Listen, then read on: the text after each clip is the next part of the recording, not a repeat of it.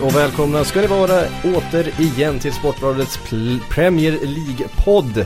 Eh, och förstås har jag med mig Kalle Karlsson och Erik Niva. Det är ju liksom grunduppställningen i, i den här outputten. Välkomna killar! Tack! Tackar! Har ni haft en fin fotbollsvecka? Ja, var det okej. Okay. Spurs spelade kryss i helgen. Sen har jag varit ute och rest lite grann. Var i Glasgow och såg Champions League. Jag ska inte klaga. Kalle? Själv har jag följt eh, matcherna på hemmaplan och jag ska inte heller klaga. Nej, eh, du har varit väldigt flitig i din blogg. Mycket analyser och eh, vi återkommer lite till det där framförallt kring en del spelsystem. Eh, vi ska prata Everton och filmningar och ett ångestmöte på Stadium of Light och eh, så ska jag rätta mig själv lite grann från förra eh, avsnittet. Det var ju lite pinsamt där när jag skulle eh, visa mig på styva linan med de här talangerna i engelska akademier. jag gör en liten avbön senare här.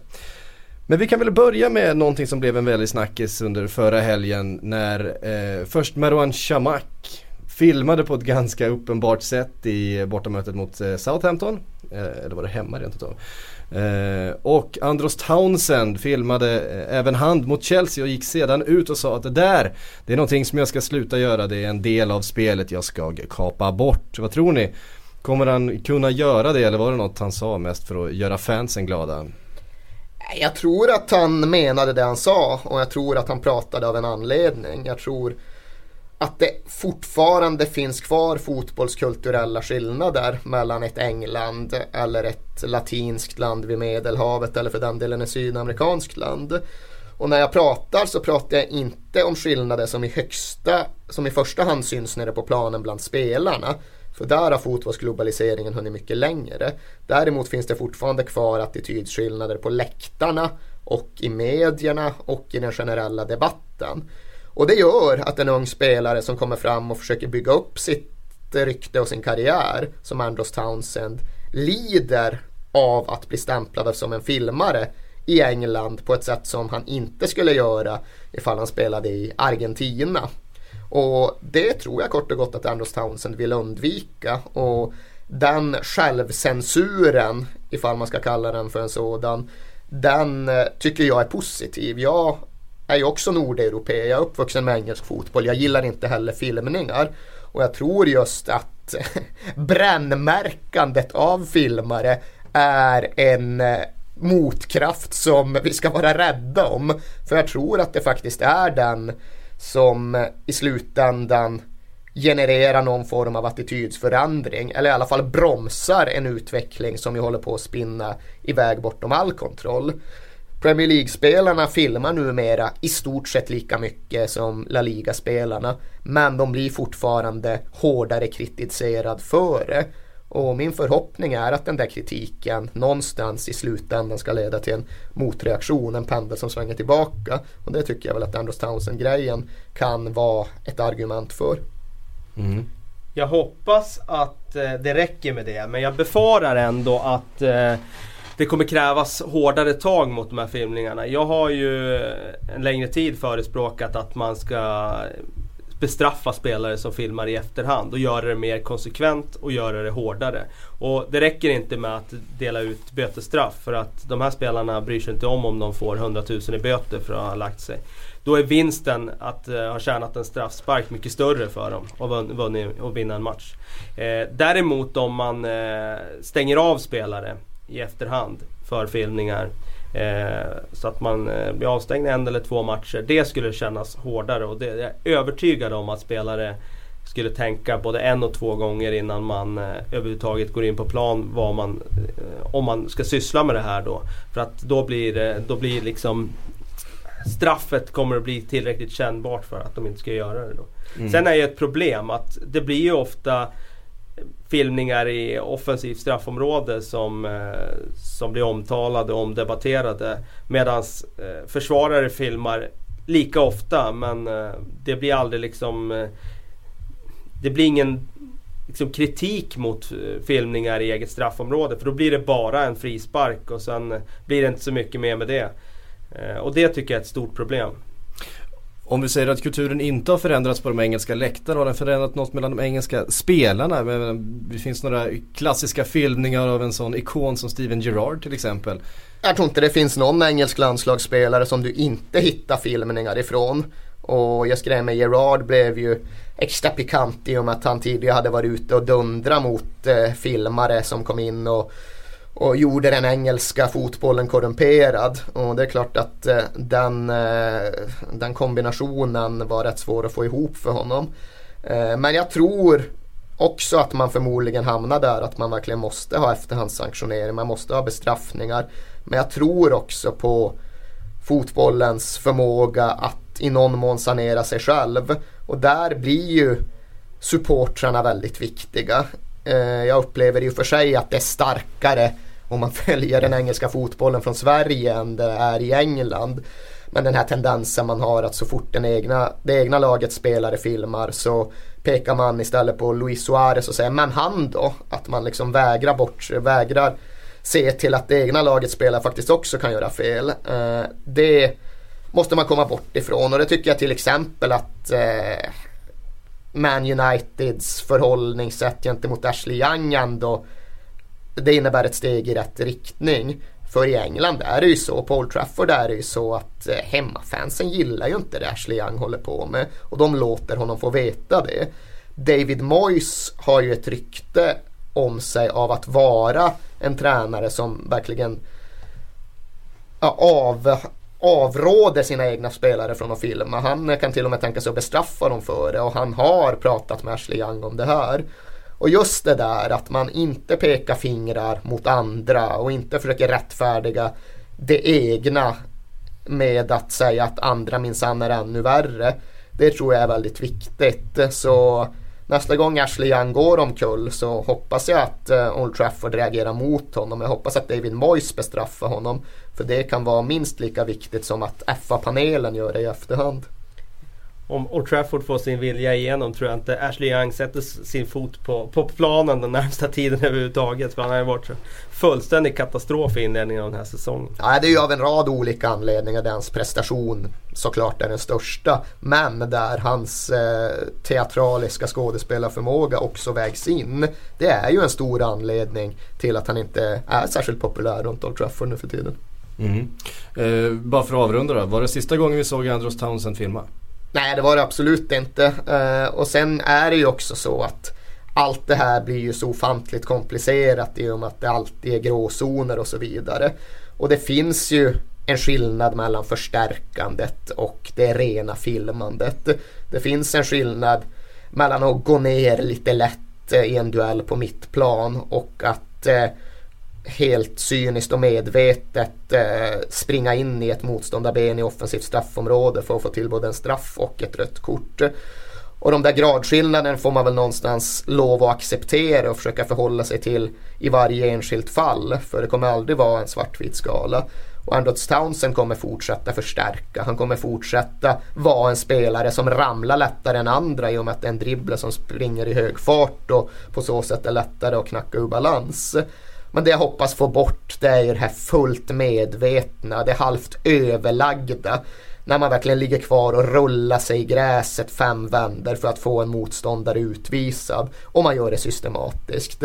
Det här med att man just går in i ett motståndarstraffområde med egentligen den enda avsikten att springa in i ett ben och på så sätt få straff.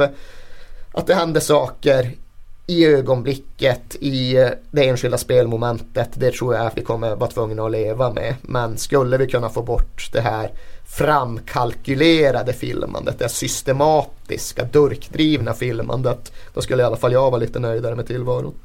Mm. Eh, vi går vidare, vi ska prata lite grann om eh, Everton som ju skärmade många i måndags när de fullständigt eh, spelade ut Newcastle. Ett Eh, faktiskt ett väldigt dåligt Newcastle stundtals. De bjöd på väldigt mycket i försvaret där. Men jag tänkte göra så här, jag ska komma med tre stycken påståenden om Everton. Och sen får ni säga ifall jag har rätt eller ifall jag har fel. Och sen så kan vi utveckla det lite grann. Och jag börjar så här. Everton har just nu Premier Leagues två bästa ytterbackar. Kalle, rätt eller fel? Rätt. Erik? Ja, Leighton Baines är ju väldigt svår att argumentera mot och jag är också förtjust i Seamus Coleman och har egentligen alltid varit sen han kom in och inte sänkte Spurs men såg till så att Everton hämtade in ett tvåmålsunderläge mot Spurs för sisådär fem år sedan. Så ja, vilka skulle vara bättre? Uh, nej, men det, det, köper jag nog. Jag sitter och smsar samtidigt så därför är jag lite distraherad. Jag kan ta över då. Nej men eh, alltså Seamus Coleman har gjort en sensationell start på den här säsongen och jag utgår från att du pratar här och nu och, och bygger det på Absolut. den här säsongen. Och han eh, har ju gjort, alltså radat upp stormatcher och var, det, för mig är det solklart att just här och nu så, så har Everton de bästa ytterbackarna i ligan. Mm. Arsenals ska väl någonstans in med ett shout också. Eh, Bakary Sanja tycker jag är tillbaka där han verkligen ska vara. Jag tycker också att konkurrenssituationen mellan Gibbs och Monreal har gjort så att båda de har höjt sig. Och i ett väldigt välfungerande Arsenal så är väl de kanske inte lika spektakulära som Baines och Coleman är. Men i synnerhet när de har många lite mer centrerade mittfältspelare blir ju Arsenals ytterbackspel oerhört viktigt även för deras offensiv. Så det är väl de som ska in på en andra plats i så fall. Mm. Intressant. Nästa påstående. Everton är bättre under Martinez än under Moyes. Och det är väldigt tråkiga svaret. Det är lite för tidigt att säga. Det jag inbillar mig är väl att de någonstans får en ännu högre högsta nivå och de kommer inte längre vara det där laget som åker till 89 raka bortamatcher mot de största lagen i den engelska ligan utan att vinna en enda. Och den där siffran var påhittad eftersom jag inte kommer ihåg vad den korrekta siffran var. Men de var ju under Moyes ett lag med ett tak. Man visste att hemma på Goodison kunde de mala ner vilka som helst men de kunde liksom aldrig mäta offensiva krafter mot ett storlag på bortaplan. Och det hoppas jag att de har kommit bort ifrån. Eh, jag inbillar mig att det kommer vara lite svängigare, lite krängigare, lite djupare dalar men förhoppningsvis ännu högre toppar. Det är så kontroversiell jag tänker vara så här i början av oktober. Man kan ju dra jämförelsen med vad Pep Guardiola gör i Bayern München. Han eh, ändrar spelsystem och det man kan se är ju att eh, eh han kommer kunna ta laget till en nivå där de inte har varit tidigare. Men eh, det kommer också vara kanske svårare att möta lag eh, med, när man ska vara spelförande, när man ska skapa själv. Och det kommer vara matcher där Everton inte kommer kunna öppna sämre lag på hemmaplan. Men... Eh, Fast det lyckades man ju rätt bra med i måndags. Det lyckades man bra med i måndags. Men eh, som sagt, jag, jag köper Eriks eh, teori där om att eh, det kommer inte vara det här defensivt solida laget eh, som, eh, som fightar till sig resultat på bortaplan mot de bästa lagen vecka efter vecka. Samtidigt liksom en bortavinst är ju mer värd än tre borta kryss höll jag på att säga. Och eh, det är den faktiskt för man får positiv målskillnad med sig. Även om man inte... Och om man, får... man har fortfarande möjligheten att ta poäng i de två återstående matcherna. Ja exakt. Och det är väl en del av grejen att man har tänkt sig att förvandla en del kryss till segrar. Och man kan tänka sig att det får kosta lite grann längs vägen. Sen tror jag också att en del av planen är att bli ännu bättre på att dyrka upp eh, svårspelade lag på hemmaplan. För om man ser spelartypsmässigt så finns det ju större individuell skicklighet i Martinez filosofi. Det finns utrymme för större individuell skicklighet i Martinez filosofi än det har gjort i Moyes. Och nu går ju Everton ofta in med Ross Barkley och Lukaku och Mirallas och Pena. När han är tillgänglig så är han ju fortfarande där. Men jag känner nog nästan att eh, Everton borde kunna ha ännu lättare att dyrka upp ett eh, solitt spelande, kompakt motståndarförsvar under Martinez än under Moyes. Mm. Påstående tre. Everton petar ut något av storlagen ur topp 6 den här säsongen. Ja, nej, eller ja, topp ah, Kalle, du kan svara. ah, jag, jag säger nej där. Eh, men alltså det är, det är den mest ovissa säsongen någonsin. Eh, men eh, Spontant så tror jag, att, eh, tror jag inte att de gör det. Eh, de eh, har definitivt chansen. Eh, de Får han allt att stämma, från, klara sig från skador. Fortsätter Lukaku leverera på det här sättet. Det är klart att den möjligheten finns. Men det är en sak att göra det över sex matcher, det är en sak att göra det över 38. Och jag, jag tror att den här topp 6 kommer att vara bibehållen efter den här säsongen. Det är väl lite så här också att topp 6 är väl tyvärr rätt mycket skitsamma. Ja, nå Europa League, ja, jo, det har Everton gjort flera gånger förut och det har ju både sin charm och sina problem. Om Everton får en så bra höst att de är med och krigar om en Champions League-plats en bra bit in på våren. Då tror jag verkligen att de kommer satsa på ligan med alla alla kanoner dundrande. Men om det är så att de just krigar om en sjätte plats snarare. Då tror jag att de kommer prioritera om. Och då tror jag att Martinez försöker bli den där tränaren som tar en buckla tillbaks till den blå halvan av Liverpool istället. För komma topp 6, det gjorde David Moyes rätt många gånger. Men när man utvärderar hans fantastiska tid i Everton så finns det ju alltjämt kvar den där smärtan kring att ja, men de vann ju ingenting. Så säg att de istället når en ligacup-semi eller en FA-cup-semi. Då tror jag Everton börjar rotera laget på ett sätt som gör att de matcherna blir de viktigaste. Och det skulle i så fall minska möjligheterna till en framskjuten ligaplacering ännu mer. Så jag tror inte heller det. Men eh, jag tror att de mycket väl kan vinna en cup. Mm. Eh, och nu kommer inget påstående utan nu kommer bara en liten fundering här. Eh, i måndags när man såg Everton spela så fantastiskt som de gjorde. Eh, stundtals och, och, verkligen rullade upp Newcastle. Man såg en Ross Barkley som verkligen har presenterat sig som en, en framtida jättespelare. En Lukaku som eh, ju är egentligen hur bra som helst i perioder.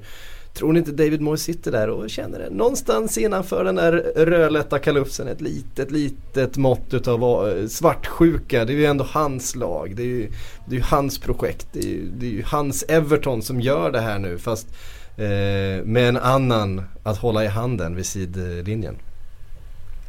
Någon svartsjuka tror jag inte att han känner. För det är alltid... Jag försöker hitta den här, du vet, före detta förälskelse. Ja, nej men det finns nog säkert något lite tudelat kring det. För jag tror inte att David Moyes är den liksom den eh, missundsamma jäveln som sitter hemma och vill att det ska gå sämre för Everton nu för att hans arbete där ska framstå som ännu mer fantastiskt. Men det är klart att man har ju haft den där bilden kring att David Moyes alltid har överpresterat med Everton. Att han har gjort saker där som ingen annan hade kunnat klara av. Ifall det nu visar sig att Roberto Martinez kan komma in och nå ungefär samma resultat och göra så att publiken som tittar lite roligare längs vägen. Då blir det väl lite så att hans arv blir omvärderat och det skulle väl ingen människa tycka var så där fenomenalt roligt. Men med allt det sagt så är det ju klart att David Moyes oavsett start har så ofantligt mycket större möjligheter nu än han någonsin hade kunnat få i Everton. Och hela hans tränarkarriär, allt han har pratat om längs vägen har ju egentligen handlat om att ja, men han vill nå den punkten där han verkligen har chansen. Där han har redskapen till sitt förfogande för att faktiskt bli den där tränaren som vinner titlar på regelbunden basis. Och den möjligheten, den eh, skulle han aldrig kunna få i Everton och den tror jag han värderar högre än något annat utifrån sitt eget sätt att utvärdera fotbollslivet för stunden. Mm. Eh, och vi ska stanna kvar lite grann vid David Moyes därför att eh, det har ju inte börjat sådär alldeles lysande eh, i Manchester. Utan det börjar nu eh, lukta lite kris från Old Trafford och på eh, lördag tror jag det är så är det ett riktigt ångestmöte på Stadium of Light. När man då ska ta sig an den riktiga floppen eh, den här hösten. Sunderland, ett Sunderland som spelade helt okej okay mot Liverpool i, i, förra veckan. 3-1 var väl i överkant. Eh, och skulle det bli poängtapp mot jumbon eh, för United i det här läget så är det klart att den där krisstämpeln den kommer ju lysa starkare än vad den eh, kanske någonsin gjort eh, sen Premier League startade. Vad säger ni om eh, Moyes möjligheter och eh, hans position. Eh, vi vet ju till exempel Gary Neville som ju är pandit som man säger på Sky. Han sa Moyes får tre år oavsett prestation. Får han det? Det tre möjligt? år vet fan om han får. Han får inte tre år oavsett prestation. Ifall Man United skulle bli nia den här säsongen och ligga på elfte plats halvvägs in i nästa. Då tror jag det skulle vara en, eh, en annan typ av utvärdering. Däremot så kommer han ju få tid så länge resultaten håller sig inom rimlighetens ramar. Och då menar jag ett Manchester United som är topp 4 eller i alla fall på väg att eh, slå sig in topp 4. Och då menar jag ett Man United som ja, tar sig vidare från Champions League-gruppen och eh, är inne och nafsar på att gå vidare längre än så. Det är ju egentligen inte där Manchester United ska vara. För Manchester United de ska vinna ligatitlar och de ska känna att de har chansen på Champions League-bucklan. Och där måste de befinna sig över lång sikt. Men under en övergångsperiod, under en tid då Moise ska fasas in. Då tror jag definitivt att de just har tålamod med honom så länge det ligger inom rimlighetens ramar. Men de kan ju inte sluta nia, det fattar ju vem som helst. Och med det sagt så fattar givetvis vem som helst att de inte kommer göra det heller. Mm. Eh, jag ska säga, vi ska ge lite credit where credit is due. Viktor Persson på Twitter har, har, ställt den här frågan och eh, han undrar helt enkelt om Mois blir kvar efter jul om den här formen håller i sig. Ja, ja. Det, det, kom, det, kommer han bli. Eh, alltså så mycket tålamod kommer de ha med han oavsett om de kommer ligga i botten. Det, det, sen är det ju en annan aspekt just med att eh, de gav han så pass långt kontrakt. Eh, det var ju för att visa verkligen för honom, för klubbens spelare, för klubbens fans att det här är ett långsiktigt projekt. Och eh, jag tror också att eh, många fans eh, reser frågetecken kring om hur bra den här truppen verkligen är som man har tagit över. Eh, nu har vi sett spelare som ska utgöra stommen som faktiskt sviktar eh, i inledningen av säsongen. Som Rio Ferdinand till exempel som har eh, varit långt under den nivån han höll i fjol. Så att eh, det kanske finns en förståelse också för att det kanske behövs eh, ett eller två transferfönster till för att bygga om den här truppen. Jag gillar dina anglicismer. Reser ett frågetecken, raises a question mark. Det, det, är en språkfälla som jag själv hamnar i väldigt regelbundet och jag, jag uppskattar den. Men vi är ju anglofila så att det är ju inget att, det är inget att skämmas över. Ja, språkligt så är man ju liksom mot den, den mer norrländska motsvarigheten till Victoria Silvstedt. Hon kör med sina liksom märkliga mode, sin märkliga mode-amerikanska från någon catwalk någonstans. Själv kör man med någon eh, halvsvengelska som är hämtad från eh, Grimsby ungefär. Och trivs rätt bra med det. Engelska låneord, det hör till en podcast som denna. Mm. Så är det. Eh, från Manchester så ska vi via en liten segway i Liverpool komma in på en diskussion som jag ser fram väldigt mycket emot. Vi ska prata lite formationer och hur man ställer upp sitt lag. Eh, Liverpool har ju experimenterat en del med trebackslinje. Eh, både mot United och nu mot Sunderland i helgen. Trebackslinje har varit väldigt populärt i Italien under ett par säsonger. Eh, är det här början på slutet för 4-2-3-1 som ju har varit det nästan alla lag har spelat det senaste decenniet? Eh, ja, det man kan säga är ju när det startar en trend eh, som får fäste. Som till exempel, vi kan titta på Italien då. Med lag som har spelat trebackslinje. Det var ju Valter Massari som införde det i Napoli. Då sätter ju det griller i huvudet på motståndartränarna som eh, när det blir framgångsrikt och fler och fler börjar använda det så måste de ju anpassa sig. Och då kan ju eh, följden bli att eh, halva ligan plötsligt spelar med trebackslinje som det har blivit i Italien.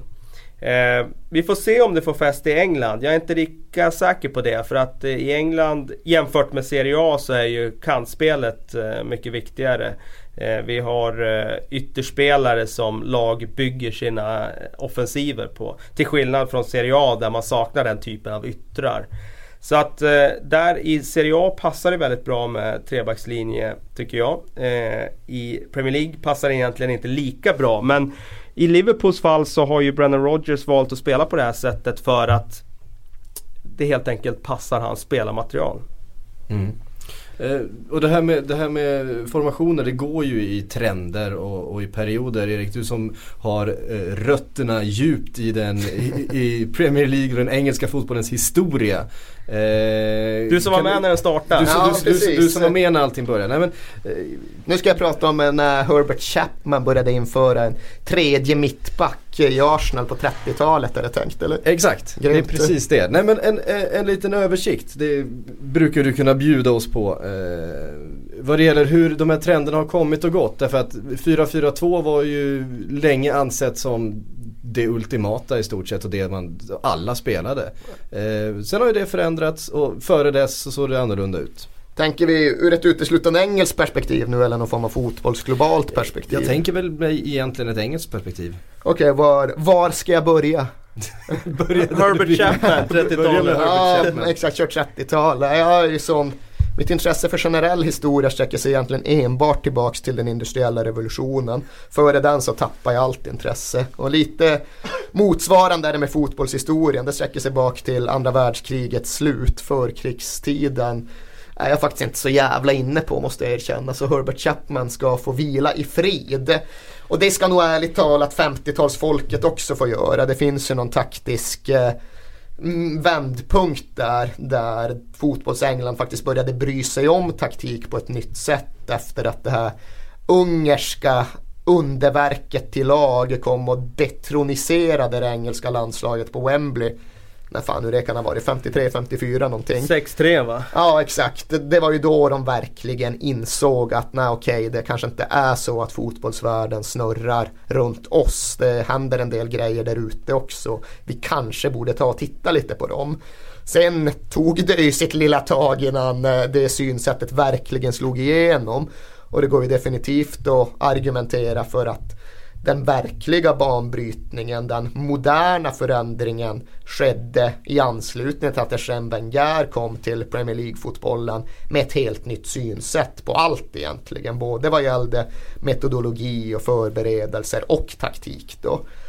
Eh, men det är väl kanske där någonstans man ska ta avstamp ifall våra lyssnare ska ha ett uns av intresse för hela den här prylen. Och du nämnde ju det 4-2-3-1-spelet som har kommit att bli förhärskande och som har blivit någon form av ersättare till 4-4-2, det raka 4-4-2-spelet eller i alla fall någon form av utveckling av det. Och det är mitt intryck att man kan spåra tillbaka till när Manchester United blev utspelade av Real Madrid någon gång precis i början av 2000-talet om det var. 2000. Ja, där någonstans. För då tvingades Ferguson erkänna för sig själv att det här jätteraka 4-4-2 spelet han hade vunnit Champions League med 99. Där de ju hade Cole och York som ren anfallsduo. Även om de liksom bytte lite positioner ibland. Och de hade ett väldigt rakt fyrmannamittfält med Beckham och Giggs på yttrarna och Kingen och Scholes centralt i idealläget. Att det inte riktigt hängde med i de nya tiderna. Och det var ju då han började bryta upp det laget och det var ju då han försökte pressa in Juan Sebastian Veron med kofot på det där mittfältet som man hade uppfattat som färdigt och fulländat. Och ur det och ur, den, ur det behovet att utveckla sig så tror jag just den engelska 4-2-3-1 eh, trenden, förkärleken kom. Och det var en kort exposé men jag tror som sagt att det är utifrån de ingångsvärdena du gav mig den förändringspunkten som är viktigast att ha koll på. Mm. Eh, och tittar vi lite bredare då så har vi sett ett spanskt landslag som spelar utan forwards. Eh, vi har sett ett Manchester United som eh, sneglar lite åt 4-3-3. Hur mycket... De smäglade betydligt mer mot 4-5-1 i Donetsk igår kan jag, kan jag konstatera. ja det är ju lite beroende på vilket motstånd man har, hur man hamnar då. Och vilken manager man, man numera har på bänken. Och då har vi fått in eh, en till väldigt defensiv tränare i Premier League. Eh, José Mourinho har kommit tillbaka som gillar att ha kontroll där bak eh, och så får det där framåt lösa sig med eh, kreativitet och eh, fart. Ja, så kan man väl någonstans förenkla det hela till. Nej men det är ju så som ni har konstaterat tidigare att det går ju otroligt mycket trend i det. Och jag tror väl att trenden nu och utvecklingen framöver den kan man ju spåra ifall man ser Bayern München pulverisera Manchester City på ett sätt som de har pulveriserat en hel del andra lag under fjolårssäsongen. Men det de gör och det Borussia Dortmund gör Eh, men det är ju att närma sig någon form av modern uppdaterad totalfotboll. Och det där är ju ifall vi återigen ska göra de historiska kopplingarna. Något som Cruyff och holländarna höll på med väldigt mycket i början av 70-talet framförallt. Och det gick ju ut på att eh, man ska ha spelare som kan anpassa sig till de olika matchsekvenserna. Man ska ha spelare som klarar av att lösa olika sorters uppgifter mest hela tiden. Så ifall det nu är så att vänsterbacken har dundrat framåt i planen på en överlappning och helt plötsligt hamnar i en spelsituation där han förväntas spela offensivt pressspel högst upp på motståndarnas planhalva. Då ska han klara av det. Ifall mittbacken som en konsekvens har fallit tillbaka och spelat vänsterback i samma situation. Då ska han klara av det. För nu börjar vi ändå närma oss en punkt där det blir berättigat att prata om det upplösta siffersystemet. Om det här med fotbollsformationer som en lek med siffror. Det är det tränarna alltid har sagt och som jag egentligen alltid har tyckt varit, varit ett sätt att komma undan och prata formationer. Men när man ser Bayern München idag, då är det ju verkligen en vision att de ska kunna spela i alla, de ska kunna spela i båda riktningarna. Alla spelare ska egentligen kunna göra allting. Det funkar inte med specialister som bara gör en sak och som struntar i annat. Det går inte för Manchester City att möta det här spelet med två forwards, Dzeko och Agüero, som egentligen inte gör ett dyft i defensiven utan låter Bayern München få ett övertag på mitten och spela runt bollen därifrån med all sin flexibilitet. Så jag tror nog att vi i framtiden kommer ha ännu högre krav på topplagen. Det kommer vara ännu mycket mer som krävs ifall man ska kunna spela där. Man måste kunna utföra fler typer av sysslor på olika delar av planen under en och samma match. Man vill ha Filip Lam överallt helt enkelt. Rätt mycket så. 11 Filip Lam. Ja. Det är mitt drömlag. Vad var det? 11 Nisse Lidholm. 11 Nisse Lidholm kunde man aldrig förlora. Eller. 11 Jamie Carragher. 11 Jamie Carragher. Nej men det är intressant det här med, man pratar just med utvecklingen som har skett då med att det har blivit fler mittfältare. Det blir ju så när, alltså när passningsfotbollen har fått större fäste så har det blivit så att även bottenlagen i ligorna har ju varit tvungna att anpassa sig då. Alltså det går egentligen inte att spela med ett fyra mittfält när man möter lag som vill dominera bollinnehavet. Då, alltså idag får man jaga skuggor. Och det innebär ju att om man tittar i England då som klubbar som Norwich och Stoke, alla de här klubbarna som kanske inte vill spela bollen efter backen. De spelar i alla fall med många spelare centralt för att det är enda sättet att kunna hantera det på. Och det, det var ju ett bra bevis inom citationstecken igår när Manchester City ställde upp med 4-4-2 mot ett lag som överbelastade centralt. Och, alltså de fick ju inte tag i bollen överhuvudtaget. De blev passiva åskådare. Och det var en bevis för, eller ett bevis för min teori då att i princip är det väldigt, väldigt svårt att spela 4-4-2 idag. Och eh, det tangerar ju även Brendan Rogers filosofi som han, han, kan ju inte frångå det där med många spelare centralt i plan. Och vad var hans lösning då när han ändå ville ha två forwards där framme? Ja, det var att gå ner på trebackslinje. För att han spelar hellre med trebackslinje då än att offra en central spelare. Mm. Men det var ju tidigare så refererade man ju nästan alltid till the two banks of force som någon form av ofrånkomlig engelsk fotbollssanning. Man hade två raka fyrar som då skulle göra laget svårgenomträngligt. Men sen var det ju någon gång under vad var det, andra halvan av 90-talet eller ja, i samband med den här Ferguson-förändringen eh, efter Real Madrid som man började prata om det uppbrutna laget. Det var inte längre tre lagdelar utan det var 4-1, 2, 3-1 och vad det nu kan ha varit liksom. Och jag tror just att det där kommer ju vara en svunnen tid. Att man pratar om tre lagdelar. Nu har man dels spelare som täpper igen de här fickorna mellan lagdelarna. Men man kommer också ha allt fler spelare som vandrar mellan lagdelarna under matchens gång. Som kommer göra det svårare och som naglar fast hur ett lag egentligen formerar sig. Ja, de formerar sig på ett sätt när de har bollen efter backen. De formerar sig på ett annat sätt när de försöker sig på en snabb omställning. De formerar sig definitivt på både tredje, fjärde och femte sätt när de inte har bollen. Och det kommer nog liksom bli ett måste och utgå ifrån någon form av sån taktisk analys.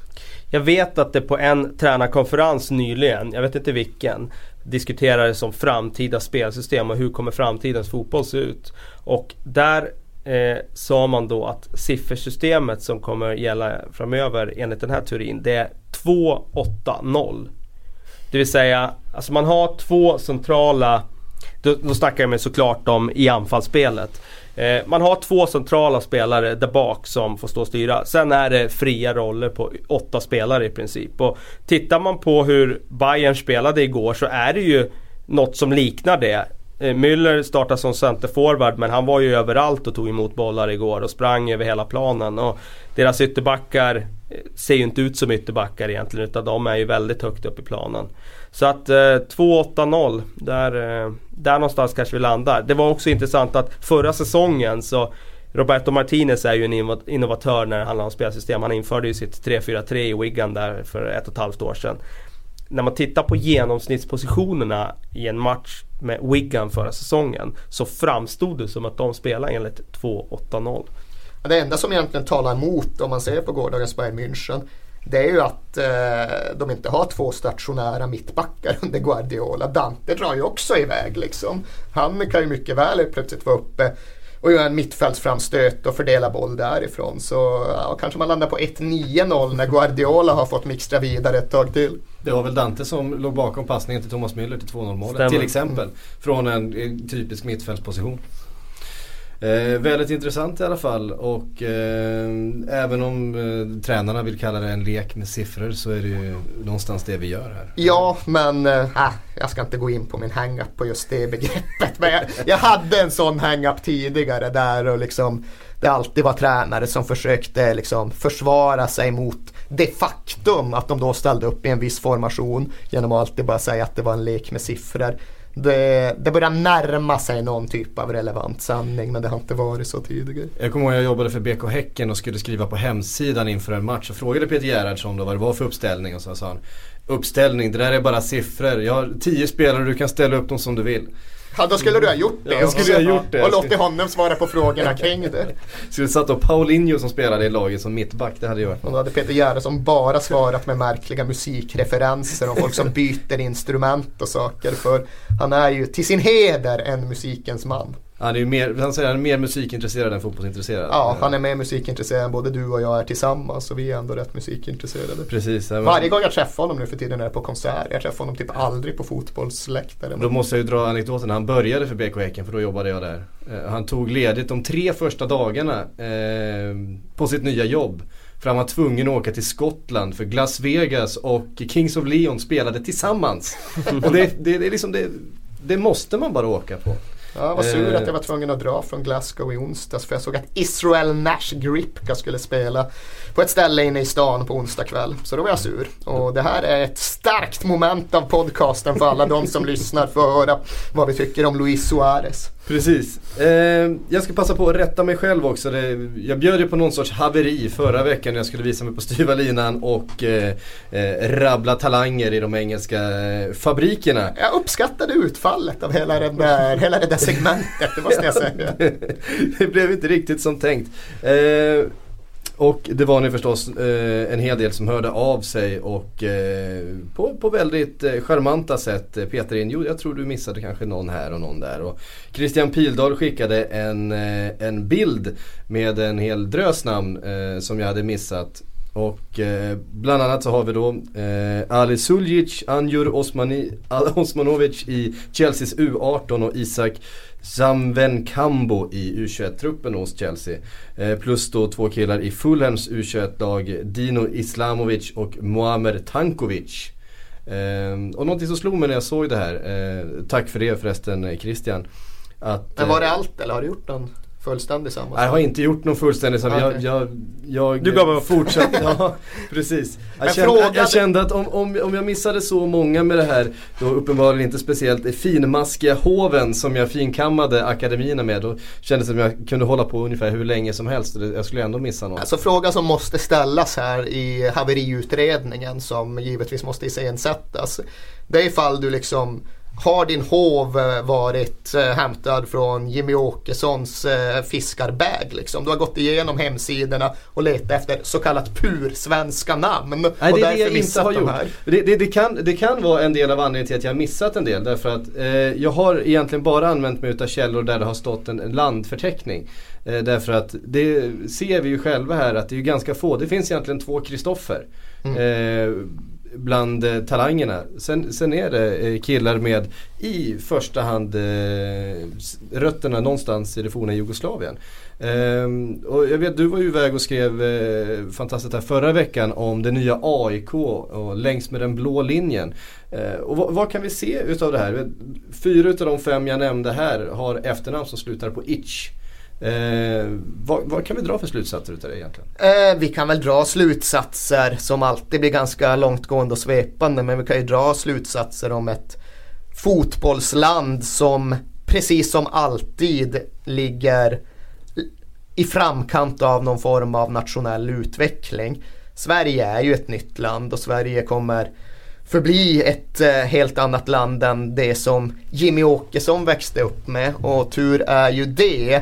Eh, och det kommer ju märkas på alla sätt och vis men man brukar just märka en samhällsförändring runt fotbollsplanerna ännu snabbare och ännu tydligare än man märker den i eh, parlamentssalar eller dylikt. Det här är ju ett nytt fotbollssverige som de här killarna är sprungna ur. För tidigare var ju vi smått unika i det faktum att våra landslagsspelare inte var fattigungar eller förortsungar eller fabriksarbetarungar utan eh, våra landslagsspelare kom från någon form av folkhem-Sverige. De kom från föreningslivet och från villakvarteren. Men eh, nu är ju återigen Sverige ett nytt land på både gott och ont. Det är ett land som som tur är har fått en fantastisk massa nya impulser och en fantastisk massa ny energi. Men det är ju också ett land som är mycket mer splittrat och segregerat. Och där ser vi väl just den här förändringen att ur den där segregationen så växer det även fram fotbollsspelare. Det är inte det viktigaste uppgiften ett samhälle har och ett välmående samhälle har väl någon form av historisk tendens att producera lite färre skickliga fotbollsspelare.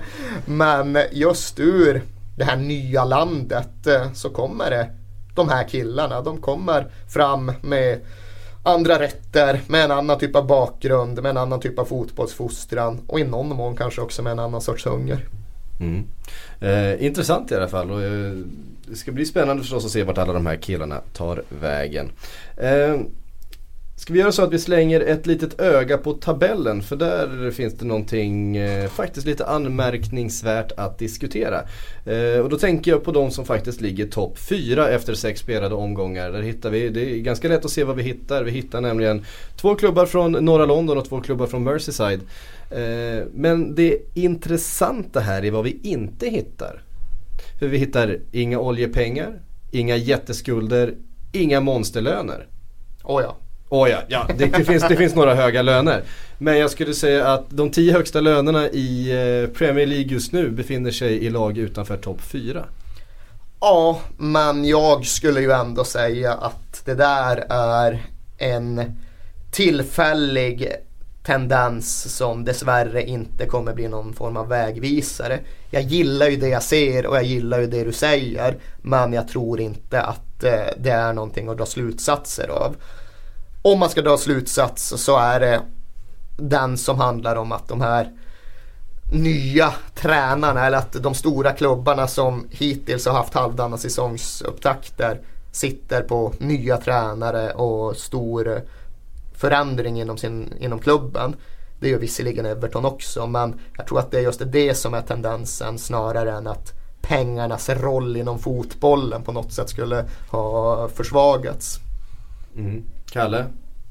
Nej, jag köper det definitivt. Eh, jag tycker det är lite tidigt att dra slutsatser efter sex omgångar när det handlar om tabell. Det, vi summerar i maj och det är jättekul om det skulle visa sig så att klubbar som jobbar långsiktigt som Arsenal till exempel som har byggt sin arena, betalat av skulder och att de skulle nå framgång med det konceptet. Men eh, vi får se om det är så i slutet av, av eh, säsongen. I Arsenals fall så tror jag att de har förutsättningar att sluta väldigt högt upp. Jag tror väl ändå att någon slutsats som i alla fall jag vågar dra det är att det på kort sikt eh, ofta leder till en ganska problematisk omställningsperiod att eh, byta tränare. Medan det ofta är eh, ja, man får med sig mycket positivt på att knega på. Och liksom hävda långsiktighetens lov. Det är ju ingen revolutionerande hållning inom fotbollsvärlden. Men det är ändå en hållning som har fått stå tillbaka något alldeles fenomenalt mycket de senaste åren. För det är ju bara att kolla. Det är ju så att Alan Pardew typ är Premier Leagues eh, näst längst eh, tjänstgörande tränare. Det stämmer. Det här är ju ett sammanhang där vi pratar om klubbar som verkligen har skaffat sig vanan att byta tränare precis hela tiden. Och även om det bara gått sex omgångar så vill jag ändå hävda att den här säsongsupptakten är ett argument för att ibland jobba i motsatt riktning. Mm. Um, då lämnar vi det. Vi har fått lite eh, lyssnarfrågor också, inte minst från Johan Bratell. Han är bror till Sara som jobbar här på Sportbladet. Hej Johan! Tjena! Eh, han undrar, han har lite funderingar kring West Ham. Han kallar dem för Liverpools soptipp och undrar varför West Ham valt att värva floppspelare från Liverpool som eh, dessutom har en bedrövlig skadehistorik och kostar mycket pengar och så vidare. Och det är en rimlig fråga. Det är väl en rimlig fråga som man besvarar genom att peka på Sam Allardyce och eh, syna hans filosofi. Han är ju i en podcast där vi har pratat väldigt mycket om tränartrender och framtida taktiska manövrar som ska generera upplysta system. Han är ju en tränare som det är rättvist att beskriva som gammeldags och traditionell. Även om han nu var tidig med pro-zone-modellen, vilket man alltid får som motargument ifall man pratar om Allardyce. Men han är ju en tränare som ser som, eh, ja, utifrån de förutsättningar han har så ser han det som bästa sättet att spela traditionellt. Att knacka långt, att vinna andra bollar, att snabbt transportera bollen från eget straffområde till motståndarnas. Och har man den spelmodellen att utgå ifrån då vill man kanske ha en brittisk kärna för de är ofta uppvuxna med ungefär de här grundhållningarna. Och vill man ha en brittisk kärna och vill man ha inläggsspelare, vill man ha starka huvudspelare centralt, ja då fattar jag att det finns sämre alternativ än Andy Carroll och Stuart Downing att titta mot. Visst, deras samarbete blev aldrig någon succé i Liverpool men jag tror ändå att de har de egenskaper som man tittar efter till ett pris som i sammanhanget ändå är helt okej. Okay. Problemet är just det sistnämnda man var inne på, det där med skadehistoriken. Och när nu Andy Carroll inte har tänkt sig att spela på precis hur länge som helst och när man får se hur det blir med Joe Coles möjligheter att göra detsamma. Så då får man verkligen anledning att fundera lite mer över de där värvningarna. Men när de gjordes så tyckte jag inte de var så där jäkla märkliga. Det är dels det som Erik nämner just med hans spelsätt och att de passar in i den modellen. Men sen är det också det här med Alltså jag tror att tränare tittar på spelare som har varit i stora klubbar och drar sig till minnes varför de värvades dit. Det var ju någon anledning till att de tog sig till den nivån en gång i tiden. Och så finns alltid den där förhoppningen om att de ska nå den nivån igen och ibland gör de det och då blir det jättefynd. Eh, jag menar, det är ganska många exempel på spelare som har hämtats till stora klubbar, kanske inte lyckats där fullt ut men sen tagit klivet ner och varit jättebra i, i den miljön. Så att eh, det finns alltid en uppsida med att väl, värva spelare från stora klubbar. Nackdelen med att värva brittiskt är ju att det blir väldigt dyrt. De hade ju förmodligen kunnat hämta hämtat eh, kanske större kompetent, eh, kompetens från, från La Liga.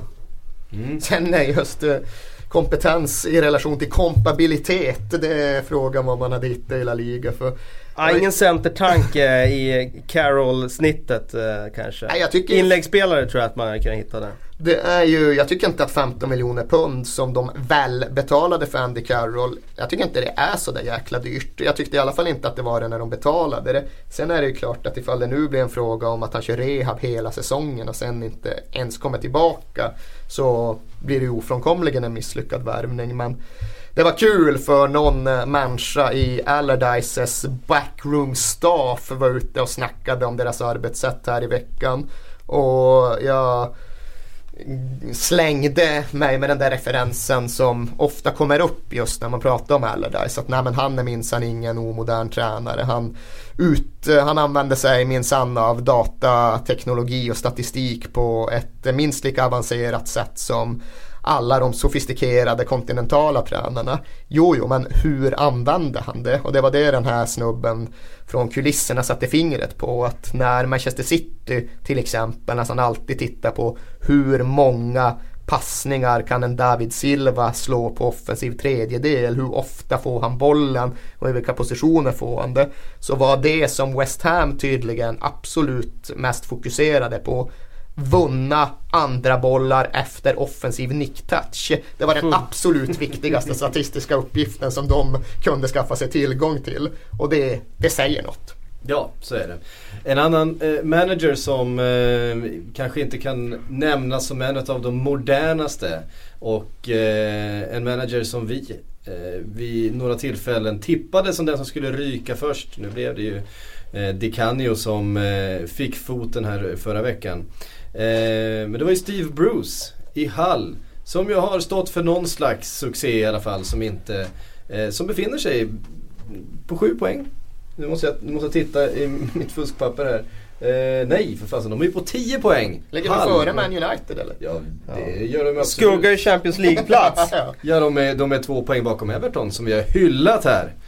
Han, eh, han gjorde ju två riktigt bra värvningar när han eh, plockade in dels Tom Huddlestone och dels Jake Livermore. Inte att misslyckas med det inne i mittfältet. Mm, det, det vet man ju.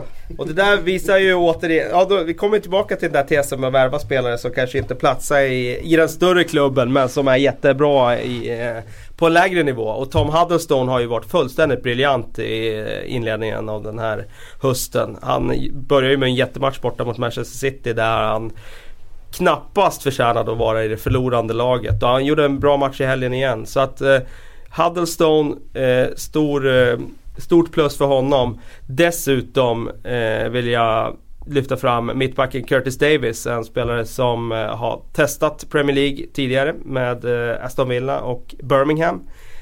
Var uppenbarligen inte tillräckligt bra då för att eh, bli kvar i Premier League eh, och få kontrakt med nya klubbar. Men eh, nu när han har kommit tillbaka så har han eh, inlett den här säsongen väldigt bra och den här gången tror jag att han åtminstone kommer bli kvar i Premier League oavsett om Hall blir det eller inte. Mm. Vi fick en fråga här också, nu, nu slarvade jag bort namnet. Men vilken tro, tränare tror ni blir den nästa att lämna sin position? Och det finns ju en som eh, nästan har, nästan har sagt att han är på väg ut och det är ju Joel i eh, Fulham. Ja, det ser ju tyvärr illa ut för Martin Joll. En tränare som jag gillar och som jag verkligen uppskattar utifrån hans jobb i Tottenham.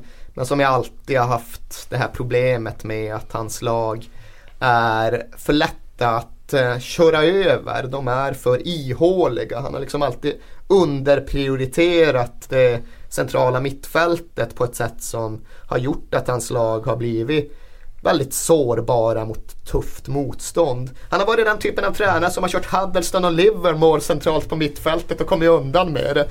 Höll jag på att säga. Nej men han har ju ofta just kört bara två centrala mittfältare. Varav en av dem ofta har varit mer av en bollspelare än en tvåvägsspelare. Mer av en kreatör än någonting annat. Och ska jag verkligen just peka på någonting som är Martin Jols generella problem då är det nog hans, eh, hans ovilja att eh, staga upp ett lag, att spela med tre centrala mittfältare, att spela med lite fler spelare som är bra utan boll i kontrast till Berbatov, Ruiz, för den delen Katsaniklic och alla de här som är bra med boll nästan uteslutande. Eh, så det är synd. Jag önskar att tiden talade för Martin Joll men både i stort som smått så tvingas jag ju konstatera att den inte gör det. Mm. Kalle, jag vet att eh, du har några fler läsarfrågor eh, som du har fått på Twitter. Ja, vi kan ju... Jag måste leta fram de här. Men det var ju någon som eh, bad oss att snacka om Gylfi Sigurdssons lyft. Så Erik kan ju ta det då.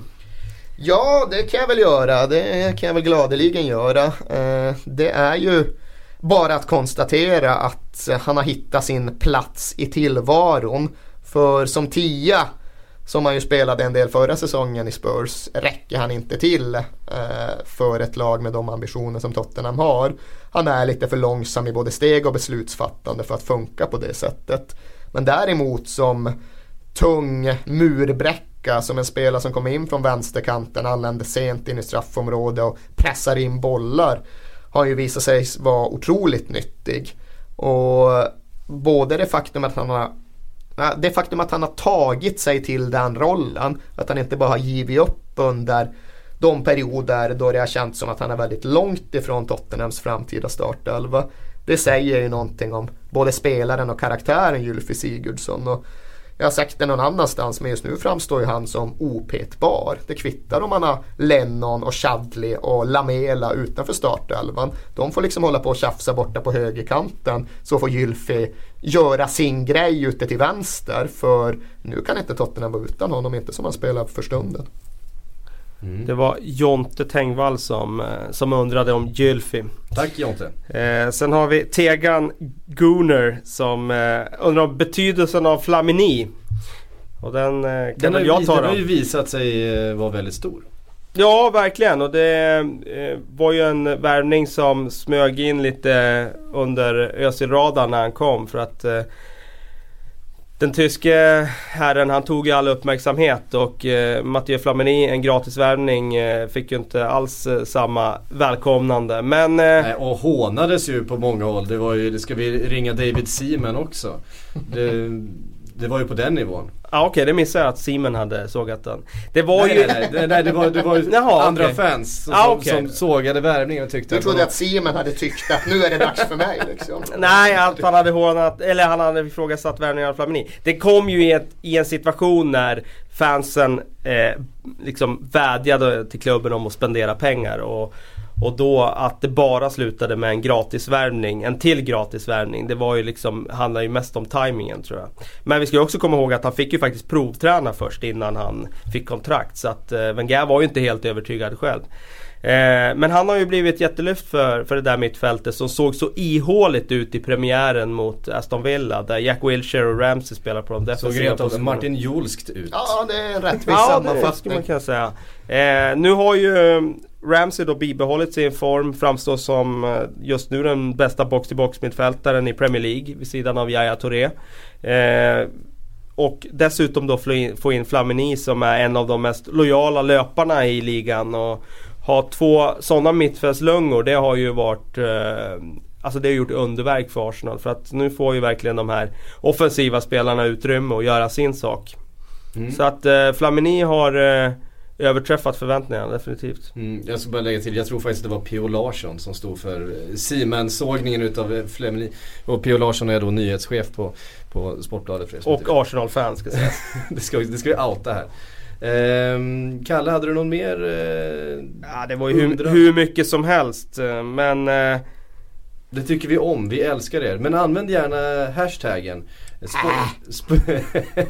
eh, och, och uppmuntra Erik att eh, Tor Torres klösattack mot Janne V undrar ja, Anton Augustsson om. Den har vi faktiskt inte tagit upp. Eh, FAs flathet i den här frågan och eh, Andreas Boas eh, attack på FA eh, efter det här. Erik, vad säger du? Du såg ju förstås matchen. Ja, det gjorde jag ju. Eh, jag vet inte, jag tycker också att det är ett konstigt beslut.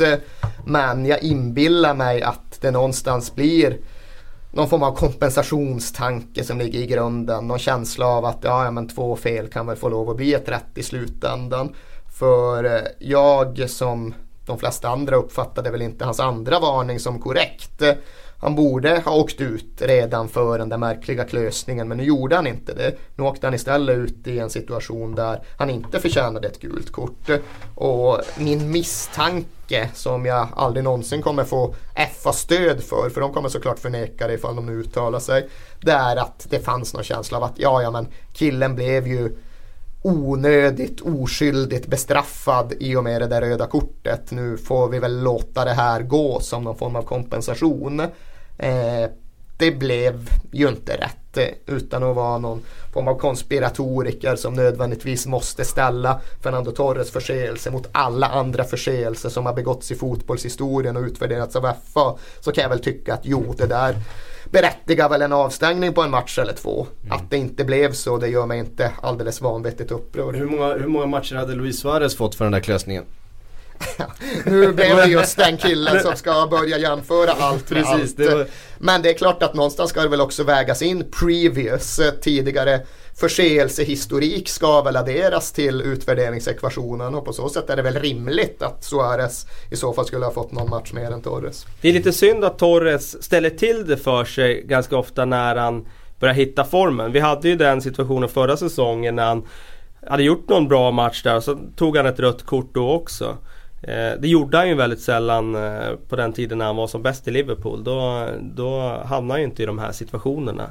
Jag kan inte minnas att han eh, liksom började tjafsa med spelare och började liksom ge domare anledningar till att visa ut honom på den tiden. Det är ju inte en harmonisk spelare i balans utan det är ju en spelare som har hamnat i ett missflyt som tycks permanent för det är ju oerhört typiskt att han, precis som du säger, först gjorde en väldigt bra andra halvlek mot Tottenham och sen undviker den där avstängningen men lik förbannat lyckas dra på sig en skada nere i Bukarest som gör att han ändå kommer vara borta lika länge som en fyra matchers avstängning hade inneburit. Så det spelar liksom mm. ingen roll. Can't win.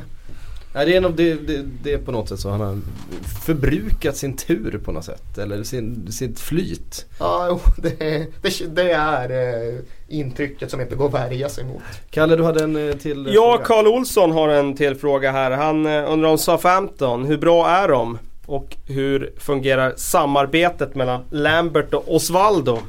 Undrar han. Nu jag ska sitta och klappa mig själv på bringan och säga där ser ni. För när vi spelade in en podcast för några veckor sedan så fick jag väl kläskott för att jag hade utsett Southampton som säsongens potentiella skräll. Det gick ju inte alls så bra.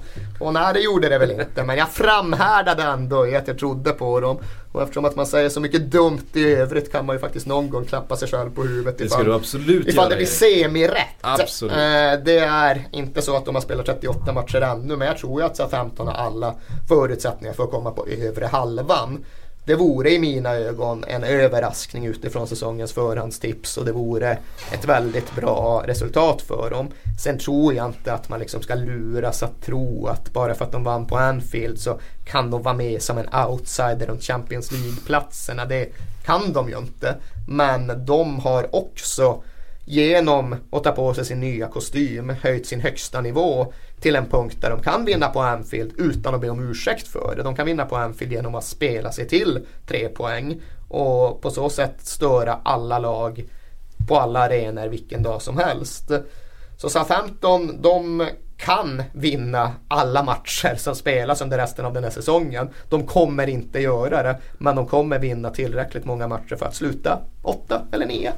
Mm. De täppte ju igen det svarta hålet i truppen som fanns i fjol. Hojfeldt-hålet ja, som vi kallar det. precis. En skada där på, eh, på Fonte i fjol så fick ju Hojfeldt kliva in och lira och det var ju ganska uppenbart för alla att, att han inte riktigt var redo för det då.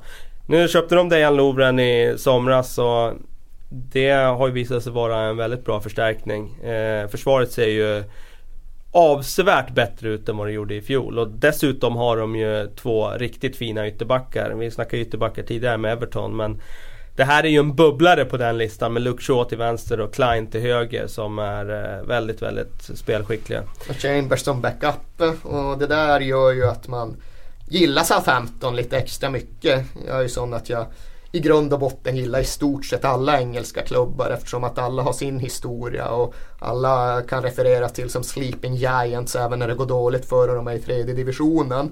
Men eh, dagens Southampton behöver man inte bara se som Matthew Letiziers gamla klubb utan de har ju sin nya identitet, eh, sitt sätt att uppdatera Real Madrids gamla dödsdömda Zidans och Pavons grej. Att de har förmågan, potentialen, musklerna att köpa in bra internationella spelare. Men att de bygger ihop dem med egna självutvecklade talanger från akademin. Och det är ju alldeles fantastiskt att de har fått fram Walcott och Bale och Oxlade Chamberlain. Men det är egentligen ännu mer fantastiskt att de fortsätter spela Luke Shaw och James Ward-Prowse och eh, allt vad de nu heter. Att de verkligen kan klara sig, etablera sig och växa i Premier League med ett lag som ja, sådär till hälften består av unga egna produkter. Han har ju ändrat spelsystem nu från 4-2-3-1 till 4-3-3 har han ju testat nu. Eh, och det är väl då ett sådär frågetecken man kan resa eh, som vi är inne på och resa frågetecken. Eh, kring Gaston Ramirez, om han har någon plats i det här 4-3-3 spelet. Jag Precis, sett... förra sommarens stora prestigevärvning. Verkligen och han eh, hade väl sina stunder förra säsongen i enstaka matcher men över tid så gjorde han ju inte eh, skäl för den där prislappen. Eh, nu finns det ingen riktig mm, naturlig position för honom heller i det här 4-3 spelet. Så att han kan vara en av de spelarna som eh, som kommer ha svårt att, ja, som offras för det här eh, mm. systemskiftet. Och då får det väl vara så. Så länge de inte offrar Lambert eller Adam Lallana så kommer jag fortsätta gilla SA-15. Mm. Ricky Lambert är ju en, förstås en historia i sig. Den har ju berättats om och om igen här. Men men det, det är verkligen fantastiskt det han har åstadkommit och, och, fått vara med om. Det är det, men eftersom att vi just har tjatat om det så ofantligt många gånger så kan vi nästan passa på att tjata lite om Lalana istället som ju på sitt sätt är ännu mer fantastiskt i och med att det är hans klubb på ett annat sätt än Southampton är Ricky Lamberts klubb. Ricky Lambert är ju en Liverpool-kille som du säkert vet och som ju någonstans byggde upp sin framgång på helt andra ställen. Även om karriären tog fart med katapultfart när han kom till Southampton. Lalana är ju någonstans i mycket högre utsträckning en symbol för det egna, för akademiarbetet och för den här Matthew Letizier-traditionen som just går ut på att man stannar kvar i Southampton. Och Därför kan han vara värd några extra ord i ett sammanhang där Ricky Lambert redan har fått så många. Jag lanserar ju honom som eh, eh en sådär, ett utropstecken inför förra säsongen. Då blev man ju tyvärr skadad och missade en stor del av förra säsongen. Men jag, jag lanserar honom även inför det här året då som jag, jag, gjorde det återigen inför det här året. Eh, som att, eh, att han kan vara en sån spelare som många får upp ögonen för. Han har ju, var ju flera år Championships kanske bästa spelare. Mm. Så åt någon jävel att ta ut honom i ett sånt där drömelvan-sammanhang som alla tjatar om numera. Och eh, det tyckte jag mig ha fog för men inte fan han har gjort några poäng i det sen dess. Han har varit bra och skjutit en massa volleyskott i stolpen och sådär. Men några mål har han inte gjort så då får man skit för det också. Precis. Och det får faktiskt avsluta den här veckans eh, Sportbladets Premier League-podd som vi kallas. Följ oss på Twitter och skriv till oss på hashtaggen. Jag lovar att Erik är där inne och tittar i alla fall. Eh, Inte på då. hashtaggen, jag är på Twitter. Vad är hashtaggen nu? Hashtaggen är Sportbladets PLP. Just det. Och inget annat. Tack för oss, vi hörs nästa vecka.